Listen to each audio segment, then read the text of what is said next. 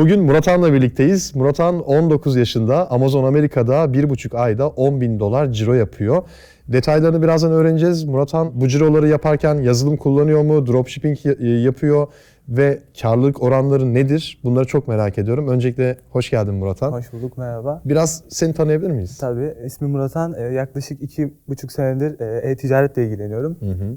Ee, İki buçuk tabii senedir. İki buçuk senedir e-ticaretle ilgileniyorum ama dolu dolu bir senemi doldurdum diyebiliriz. Şöyle başladı. İki buçuk sene önce yazın bir reklam çıktı karşıma e-ticarette para kazanma diye. Bu reklam Shopify ile ilgiliydi açıkçası direkt.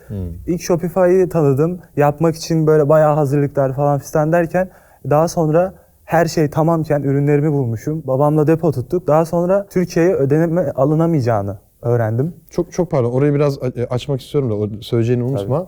Daha yeni başladın ticarete. Shopify reklamı gördün. Shopify'da satış yapmak anlatayım. için mi depo? Shopify'da dur- ilk Shopify'ı görüyorum. Sonra eğitim alıyorum Shopify ile ilgili. Shopify'a Tamam. başlarken e, tabii başlamanız için ödeme yöntemlerini falan filan onları ayarlamanız gerekiyor sizin kendinize göre. Ama ödeme alınamayacağını öğrendim Türkiye'den. Türkiye'de olduğum için. Bundan kaynaklı. Tabii bu beni direkt moralimi bozdu. Direkt vazgeçtim Shopify'dan. Ondan sonra Amazon.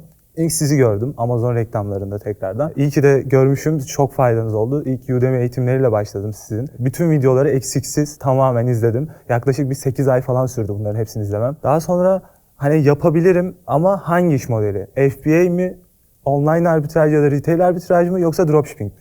Şimdi bunlardan en risksizi olarak, ticari olarak risksiz, risksiz e, dropshipping. Fakat hesap sağlığı olarak dropshipping çok riskli benim için. Hesap Evet. hesabım bir anda kapanabilir ve biliyorum ki hesabım anca bir kere açabiliyorum. Bu da beni ilk başta birazcık korkuttu. Fakat daha sonra başka dropshipping ile ilgili uzmanlaşmış eğitmenlerin de desteğiyle tekrar dropshipping yapmaya karar veriyorum. 2021'in yaz ayında açıyorum, ilk mağazamı açıyorum. Bir aylık bir denemeden sonra İlk iki siparişim geliyor. İlk ay mağazamı açtım. Güzel ürünler yükledim. Ama ürün yüklerken şöyle yazılımları kullandım. Ee, yazılımları kullanırken rastgele ürünleri yükledim açıkçası mağazama. Birazcık filtreleme yapmadan, e, trademark fil- filtrelerini falan açmadan yükledim. Bir 3 asil suspende aldım bununla birlikte.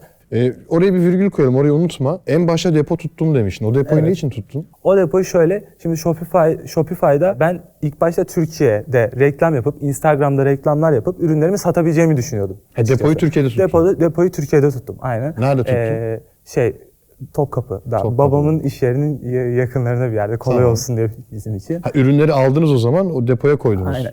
Aldık, karar verdik, alacaktık ama tam ödeme e, şeyini alamayacağımızı gördüğümüz an tabii her şeyden vazgeçtik. Bir anda böyle apar topar. Dereyi görmeden paçayı sardınız Aynen öyle. aslında. Birazcık ben hızlı girdim o açıdan. Aslında ben böyle biraz daha e, garanticiyimdir.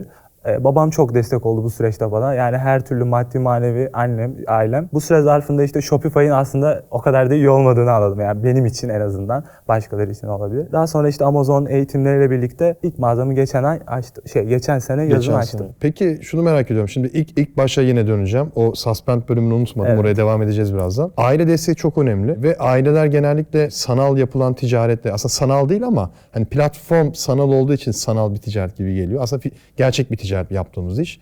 Her ne kadar ürünleri görmesek de sonuçta bir şey satıyoruz, alıyoruz, satıyoruz. Ailen, baban nasıl destek oldu? Yani nasıl ikna ettin? Ya da o da bu kafada bir insan mıydı? Aynen şöyle. Aslında annem çok bu e-ticaretten falan anlamıyor fakat babam e, anlamasa da böyle bir şeyin olduğunu görüyor. Böyle bir yeni bir sistemin artık buna doğru evrildiğini gördüğü için bana sürekli destek oldu. Bir şeyler var. Sadece bana şeyi sorar. Satış geldi mi? Ne kadar kazandık?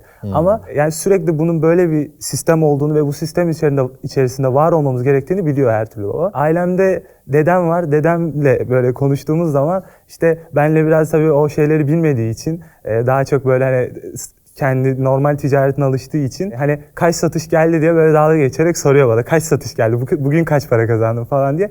Yani çok açıkçası inanmıyordu bana. Peki Ee, baban ne iş yapıyor normalde? Babam e, biz matbaacıyız. Topkapı'da matbaamız Matbaa. var. Aynen yani eski bayağı 30 senelik babam çocuktan yetişme, çocukluktan yetişme bir matbaacı. Ticaretin içinde yani aslında. Ticaretin içinde ama ailemizin böyle etrafında da böyle çok ticaret yapan kişiler yok ama babam biraz da amcamlardan olsun, dedemden olsun biraz daha farklı bir kafada.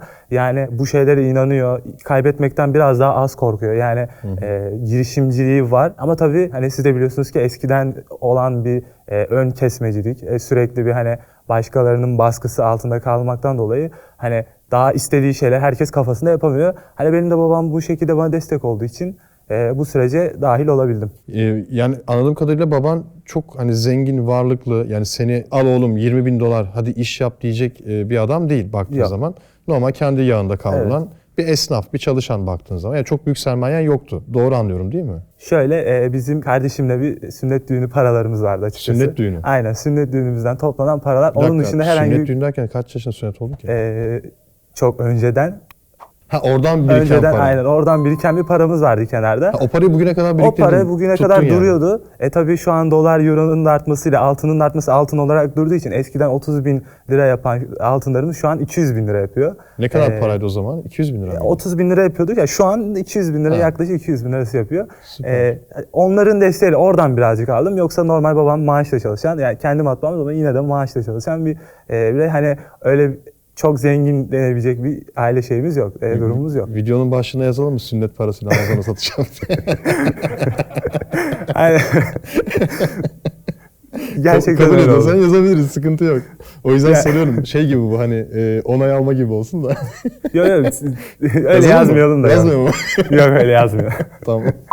İşte bu süreç içerisinde e, dediğim gibi babamın yine desteği çok oldu. Yani desteği olmasa açıkçası böyle hani bu yaşta aynı zamanda da okuyorum bilgisayar mühendisliği okuyorum. Bu yaşta yapılabilecek bir iş değil yani açıkçası. Çünkü maddi bir geliriniz olması lazım. Sadece aklınızdakiler, hayalleriniz değil bir de çevrenizdekiler, e, yaşadığınız ortam, yaşadığınız aile de çok önemli bu açıdan. Aynen. O zaman şöyle toparlıyorum. En başta baba desteğiyle yani babanın aslında manevi desteğiyle maddi Evet. değil de manevi desteğiyle oğlum yaparsın sen desteğiyle bir de sünnet parasından kalan 30 bin TL'lik bir birikimle Amazon'a başlıyorsun ve ne kadar zaman sonra 3 asin suspend oluyor? E, birinci hafta. İlk hafta. İlk hafta. 2021 mi bu konu? 2021'in yazı. 2021 yaz. Aynen. Hesap kapandı. Ne oldu? Baban ne dedi o zaman Hesap sana? kapandı. Babam şimdi asin 3 asin suspend oldu diyorum. Suspend oldu diyorum. Babam diyor ki ne oldu diyor. Yani para kazanamayacak mıyız? Ya da ne oldu işte mağazan kapandı mı satış yapamayacak mısın gibisinden sonra. Tabii ben süreci bildiğim için biraz daha kendi içime dönük, kendi odamda kendim bir şeyler halletmeye çalışıyorum. Sadece onlara oldu ya da olmadı şeklinde. Çünkü her şeyi anlatmaya kalkarsanız sizin verdiğiniz bir eğitim kadar da benim aileme eğitim vermem gerekiyor. O açıdan kendimi bir şekilde atlattım. Nasıl açıldı Ee, hesap? hesap ap- appeal'lar gönderdim. Sizin e, appeal'larınızdaki örnekleri kopyalamadan yani kendime evirerek e, çünkü biliyordum ki her hesaba özel bir appeal yazılması gerektiğini. Bu açıdan birazcık düşündüm. Aynı zamanda İngilizce okuyan bir arkadaşım vardı. Ondan da destek aldım. E, çünkü çeviriyle sadece yaptığım destek İngilizce okuyorum aynı zamanda fakat o kadar İngilizcem iyi değil. Çeviriyle yaptığım destek e, hani Amazon'a karşı kendimi ifade edememekten korktum. Hani bir daha olmaması için. Bütün her şeyi tamamladıktan sonra yaklaşık bir haftada falan üzerinde düşünüp işte her şeyi araştırıp falan açtım hesabımı. Ondan sonra birazcık ara vermem gerektiğini düşündüm. Çünkü okulum açılmıştı. Daha ilk senem bilgisayar mühendisliğinde tam sistemi bilmiyorum. Hani e, aynı zamanda hesabımda riske atmak istemiyorum. Biliyorum ki bu hesabın geleceği var. Amazon hesabı çok değerli bir şey o açıdan. O yüzden tekrar bu yaz dönemine kadar, Ocak ayına kadar, bu 2022'nin Ocak ayına kadar hesabım kapalıydı. Yani şey, e, profesyonel hesabı düşürdüm. E, bireysel hesabı Tatile düşürmüştüm. aldın aslında. Tatile aldım aynı zamanda aynen. E, Daha sonra tekrar Ocak ayında açtım. Daha öncesi olduğu için hemen 10 günde bir Buybox'a sahip oldum. Ocak ayında 15 gün Buybox kazanma sürecim geçti. Yine orada bir e, kapatma, tatile alma durumum oldu. Yine derslerden dolayı. E, Daha sonra işte Ocağın 31'inde tam e, ilk satışım geldi. İlk satıştan sonra pat pat satışlar gelmeye başladı zaten. Birazcık böyle ilk satış geldiğinde tabii ondan önce de ilk satışım gelmişti ama bu biraz daha kendimi bilerek daha emin adımlarla başladığım bir Amazon serüveni oldu. Çünkü ürünleri teker teker kendim filtreleyerek, teker teker inceleyerek özelliklerini, nerede, geri dönüş oranını bile hesaplayarak ona göre ürünleri yüklemiştim. Çünkü Amazon'un müşterisine verdiği değeri biliyorum. Bunun karşısında benim e, mağdur olmamam gerekiyor. Gönderdiğim ürünler sürekli geri gelebilir olursa benim için aynı zamanda sıkıntı demek. Peki orada şimdi yazılım kullanmadan aslında tek tek tespit ettin herhalde değil mi? Yazılım kullandın mı ya? Yok ya, o En bu süreçte bu süreçte en baştan beri ben sürekli yazılım kullandım. Fakat Kullandın. yazılımda ürün araştırıyorsunuz. Karşınıza atıyorum 200 tane, 250 tane filtrelere uygun ürün çıkartıyor. Aynı zamanda ben bu filtrelere uygun ürünleri de kendim filtremden geçiriyorum. Nasıl bir strateji uyguluyorsun? Nasıl, Nasıl bir filtre strateji? uyguluyorsun? Açıkçası ilk başta e, biraz daha hani bütçemiz biraz az olduğu için daha 25 dolarla 100 dolar arasındaki ürünlere girdim. Hatta bundan önce o e, strateji uygulamadan önce de bir haftalık, iki haftalık bir serüvende bu bütçeyi de kısıtlamamıştım. Yaklaşık 5-6 tane bir halı siparişi aldım. 600 dolarlık. Halının değeri 600 dolardı. Yani bu halı giderse çok iyi. Karın çok iyi. Karımız %25, %30 civarındaydı bu halıda. Karımız çok iyi fakat geri dönerse kargo maliyetleri bizden düşüyor biliyorsunuz. Amazon'a ben geri göndersem de tekrar aldığım yere geri göndersem de yaklaşık bir 200-300 dolarlık bir zararım oluyordu oradan. Hani bu da benim için biraz korkutucuydu ama babam yine dediğim gibi geldiğinde soruyorum işte göndereyim mi? Gönder oğlum gönder, gönder oğlum gönder. Böyle yaparsak e, hani biraz risk almamız lazım falan derken gönderdim. Neyse ki şu ana kadar bir tane öyle oldu. O da benim suçum neydi? Biraz kargocuların zamanında teslim etmemesinden dolayı. Şansa ki kargocular geç teslim ediyor. Tekrar kargo FedEx'e dönüyor. FedEx'e döndükten sonra ben müşteriye diyorum ki e, hani ürününüz FedEx'te bekliyor. İsterseniz tekrardan gönderim sağlayabilirim iletişime. Amerika'dan Kanada'ya mı gidiyor ürün? Amerika'dan Kanada'ya gidiyor. Tamam. Kanada'daki müşterime geç gidiyor. Bu süreçte de müşterim evini değiştiriyor. Hmm. O halıyı da yeni ev için sipariş vermiş. Hayda. Müşterimle iletişime geçtiğim zaman diyor ki ben artık halı istemiyorum. Ben yeni halı aldım. E, bu şekilde FedEx merkezinde kaldı halım. Sonra tabii ben tekrardan geri iadesini oluşturdum. Zarar ettin orada. E, aynen bir zarar ettim. Kargo masrafı. Artık müşteri memnuniyeti e, de önemli tabii ki bizim için. 600 dolara Geri sat- iadesi. satıyor musun, alıyor musun halıyı? Al- 600 dolarlık bir e, satışı var. E, Satış ne 600 kadar dolar. alıyorsun? E, Amerika'dan e, mal edişim 220 dolar falan. 220'ye alıyorsun, 600'e 220'ye satıyorsun. 600'e satıyorum. Yüzde kaç karlık oluyor komisyon %20, düşünce? e, Yüzde 20. %20-25. Hatırladığım kadarıyla o halılarda 155 dolarlık bir karım oldu. Hatta 25 dolarda bir ekstra kargo bedeli de vardı. E, 130 dolara falan karım. 130 dolar. Şöyle riskli, sen şimdi bir tane iade alacaksın. Toplam e, ettiğin zarar 10 tane halı satsan ancak Aynen öyle. Ben de babama aynısını söylüyordum. ben böyle böyle ürünler satalım fakat geri geldiğinde bizim zararımız çok, Çok büyük, büyük olacak. olur. Ama babam yine dediğim gibi gönder hani her şekilde hallederiz. Orada ben şey öneriyorum. E, Ali, mesela AliExpress'te benzeri ürün varsa eğer ya da aynı birebir aynısı ürün varsa e, marka tescilli marka değilse tabii ki Amazon'da. E, AliExpress'ten gönder. Çünkü AliExpress'te alacaksın 30-40 dolara 50 dolara aynı halıyı. Çünkü Amazon Amerika'da onu 150'ye satan adam muhtemelen Çin'den 150 şey 15-20 dolara mal ediyor o halıyı. Aynen. AliExpress'te de en fazla 25 dolardır baktığın zaman. Dolayısıyla o halı geri de gelse ki geri gelmesin. Müşteriye der ki tamam senin olsun. Ben paranı iade ediyorum dersin. Ettiğin zarar 25 dolar olur. Ee, o da zaten bir üründen elde ettiğin kâra denk geldiği için sen bir tane sattığımda ettiğim kârı buraya verdim dersin. İşin içinden sıyrılırsın. Diğer türlü çünkü Amazon Amerika'ya 200-300 dolar ver. 600'e sat. Bir de iade gelsin. Hiç yapmak mantıklı değil yani. Şimdi şöyle bir şey var. Bitti, bitti Ee, iş. Şimdi Amazon Amerika'ya da tekrar ben geri iade edebildiğim için benim düşündüğüm strateji aynı Amazon Amerika'daki satıcı da bana uyguluyor. Ben diyorum ki kargomu geri iade etmek istiyorum. Aynı şekilde aynı, aynı gün benim paramı hani 220 dolar buradaki tek e, eksik yani e, riskli olan kısım kargo maliyetleri. E yani Ha, müşteri çünkü aynen. şey diyecek sana etiketi kargo ücreti ödenmiş etiket istiyorum ben diyecek. E sen de onu vere, e, veremeyeceksin ilk etapta. E, dolayısıyla orada bir maliyet de olacak vesaire biraz karışık olacak oradaki süreç. Şimdi onu da ben şöyle hallediyorum. Amazon Amerika'daki müşterime ürünü tabii ki her üründe bunu yapmıyorum ama özellikle paket yıpranmış geldi. ha- Hani üründe hasar var derken hasarlı ürün olarak girdiğiniz zaman iade nedenine orada size ödenmiş etiketi şey e, ücreti ödenmiş bir etiket sağlıyor. Amazon Amerika'daki e, satıcım. Ama o zaman Amazon Amerika'daki o ürünü satan adama haksızlık olmuş oluyor. Evet yok şöyle ben şimdi kargodan kaynaklı bir durum olduğu zaman ben zaten şöyle yapıyorum onu da kendi depoma çekiyorum onu tekrar satılmasını bekliyorum. Bu tarafa şey geri iade yapmıyorum. Bu geri iade yapmamamın sebebi de yani şu anki tecrübelerimi anlatıyorum. Aynı zamanda benim 15 yaklaşık 20 gün önce alıcı hesabım kapandı. Alıcı hesabın kapanma nedenlerinden birini de araştırdığımda geri iadelerin çok olmasını Amazon tespit edip kötü niyetli kullanıma şey yaptığı için bu yüzden kapattığını öğrendim. O yüzden bu 15 günlük süreçte bunu yapmıyorum artık. Yeni bir alıcı hesabı açtım. Bu alıcı hesabında geri iadeden çok kendi depomda tutuyorum. O ürünü gerekirse biraz daha ucuz karını azaltarak tekrar satılmasını bekliyorum. Tabii bu e, bu süreçte de bir aylık bir hani depo maliyetleri falan da onlar da göz Depo ardı. Kanada'da mı Amerika'da mı? E, depo Amerika'da. Amerika'da. Amerika'da. Ama Kanada'da bir depo olması daha mantıklı olmaz mı? Çünkü Kanada'ya satıyorsun, müşteri Kanada'dan Kanada'ya iade eder. E, sen de satış olduğu zaman yine Kanada'dan e, depondan çıkartırsın. Bir daha iki ülkeyi ziyaret etmek zorunda kalmaz ürün. Yani doğru söylüyorsunuz ama bu sefer Amerika'dan mesela Amerika'dan aldığım için ka- Amerika'da depomun olması Prime satıcıları e, Prime satıcıların Amerika'ya direkt gönderim olduğu için hani her ürünün Amerika. Kanada'ya ücretsiz gönderimi yok. E, ve bu sefer ürün şeyim azalıyor. Ürün kategorim kısıtlı kalıyor. Sadece Kanada'ya gönderilen ürün. Çünkü ben Amerika'dan alıyorum olduğu gibi depoma gönderiyorum. Ki Amerika'daki bütün ürünler biliyorsunuz Amerika'nın her yerine dağıtılabiliyor. Ama Kanada'ya giden ürün sayısı az bu anlamda. Peki Amerika deponda halı var. Halı duruyor. 10 tane halı iade gelmiş duruyor. Ee, Kanada'da satış yaptın. Amazon Amerika'dan almayacaksın. Depondaki ürünü. Kanadalı'ya yollayacaksın. Ee, orada gümrük vergisi ve e, diğer kargo maliyetleri Amazon'un sana vermiş olduğu kargo maliyetinden daha yüksek olacak. Çünkü Amazon kadar kimse iyi fiyat veremiyor. tabii. Onu nasıl çözüyorsun? Yani onu şöyle çözüyorum. Bizim anlaşmalı yazılımın anlaştığı, aynı zamanda bizim de iletişimde olduğumuz bir depo var. Ara depo.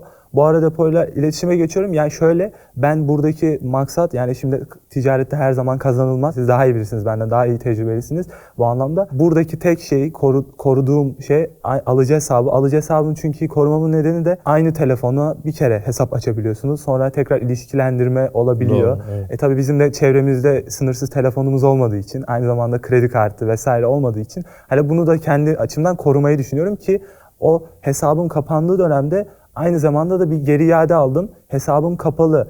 Geri iadeden tekrar etiket alamayacağım için aynı orada da bir şeylik oldu. Kopukluk oldu. Hatta bir hafta böyle bayağı bir stres oldum. Hani ne yapsam, ne etsem, nasıl bir arayışa girmem gerekiyor falan. Amazon'a bir de- destek e, ekibine başvurduğumda hesabınızı 24 saat veya 48 saatti sanırım 48 saatliğine açabileceğimizi hani bu süreçte sadece iadelerinizi yönetebileceğinizi, satın alma olmayacağını söylediler. Yani o şekilde onu da hallettim. Bu arada o 48 saatlik süreci istediğim kadar da açtırabiliyorum. Bunu da izleyenlere e, belki tekrar alıcı hesabı kapalı olanlar için hani tekrar başvurup açtırabiliyorlar hesaplarını. Yani tekrar başvurduğun Sadece geri şöyle- iade için. Hı, İade için Aynen. geçerli anladım.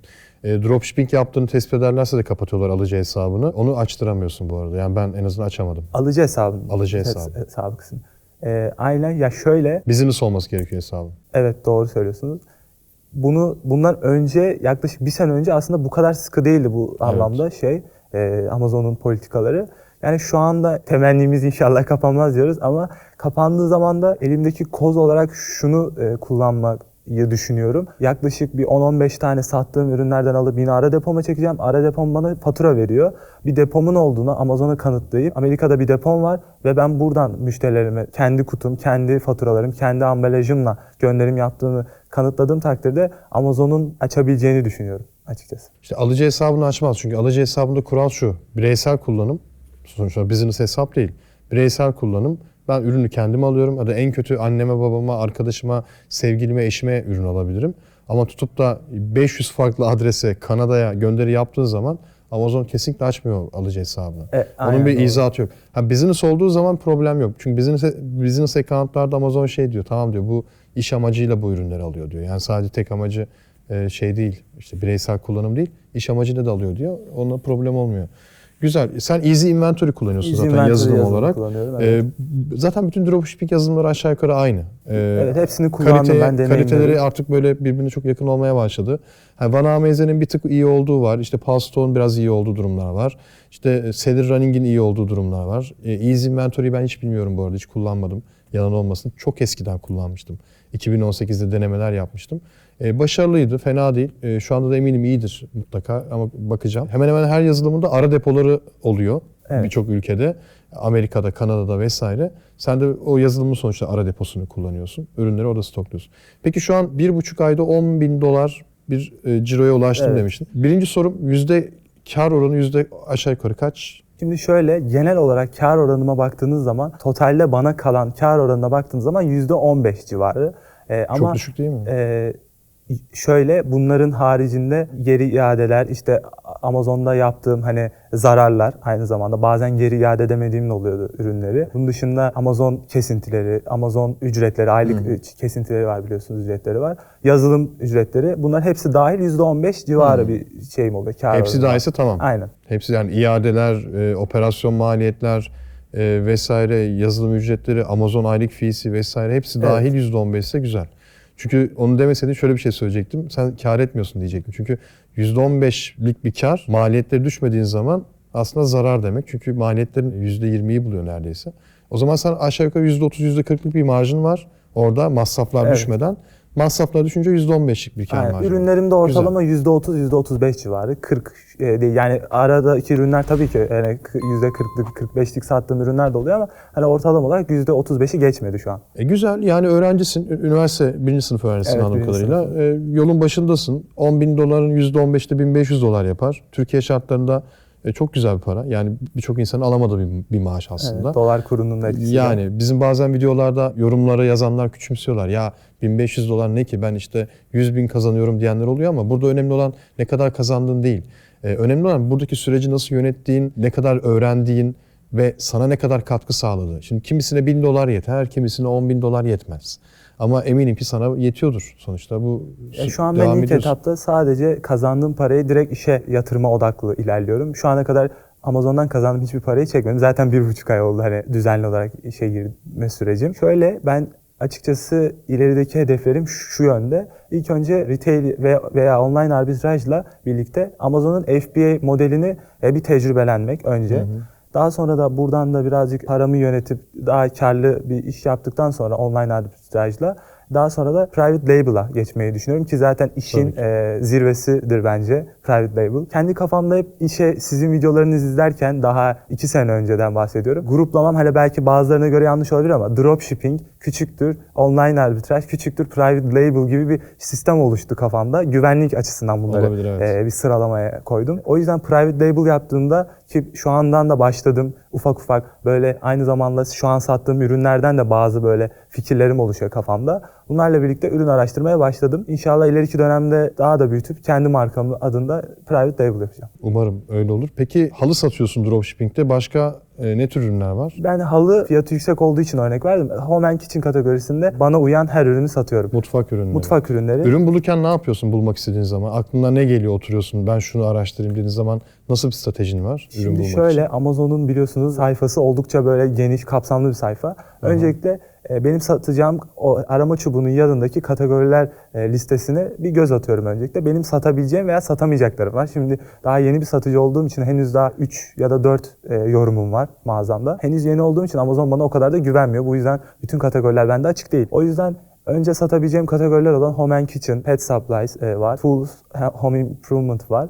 E, bunlara bakıyorum, göz atıyorum. Bunlarda yavaş yavaş derine inmeye çalışıyorum. Ürün kategorilerini analiz etmeye çalışıyorum. Önce e, baştan bir analiz ediyorum. Sonra hangi ürün hangi şekilde daha çok satılıyor bunu tespit ediyorum. Aynı zamanda da Helium 10 uygulamasını da kullanıyorum. Bu uygulamada aynı zamanda bu uygulamayı kullanmayı da sizden öğrendim. Bu uygulamada da şey hangi ürünün ne kadar ciro getirdiği, ne kadar aranmaya sahip olduğu ve aynı zamanda e, ürünlerin sayfalarını ararken kaç satıcıya sahip olduğunu da görebildiğim için bu bana kolaylık sağlıyor. Çünkü az satıcısı olan ürün her zaman benim için biraz daha riskli oluyor bu anlamda. Çünkü marka bir ürün olabilir, müşterisi, sata- satıcısı bu ürün satmamızı istemeyebilir.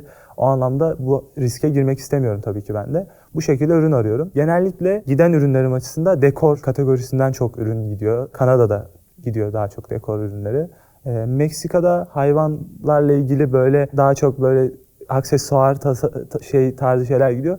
Şu iki kere başıma geldi ondan bahsedeyim biraz. Meksika'ya üç kere içinde ahşap bulunan ürün göndermeye çalıştım. Üçünde de gümrükten geçmedi. E, aynı zamanda mesela bu da bir zarar kategorisine girebiliyor. İlk deneyimim ürünün kendine öz olduğundan dolayı olduğunu düşündüğüm üründü. Çünkü biraz büyüktü. Dedim depo şey e, gümrükte bir sıkıntı çıktı herhalde. Daha sonra bir daha gönderdim. Aynı ürün değil ama ona benzer bir üründü. Yine ahşap barındıran, içinde ahşap barındıran bir üründü. Yine gönderdim. Bu sefer yine geri dönünce artık dedim ki ara depoyla bir iletişime geçtim. Hani sürekli neden dönüyor benim ürünlerim?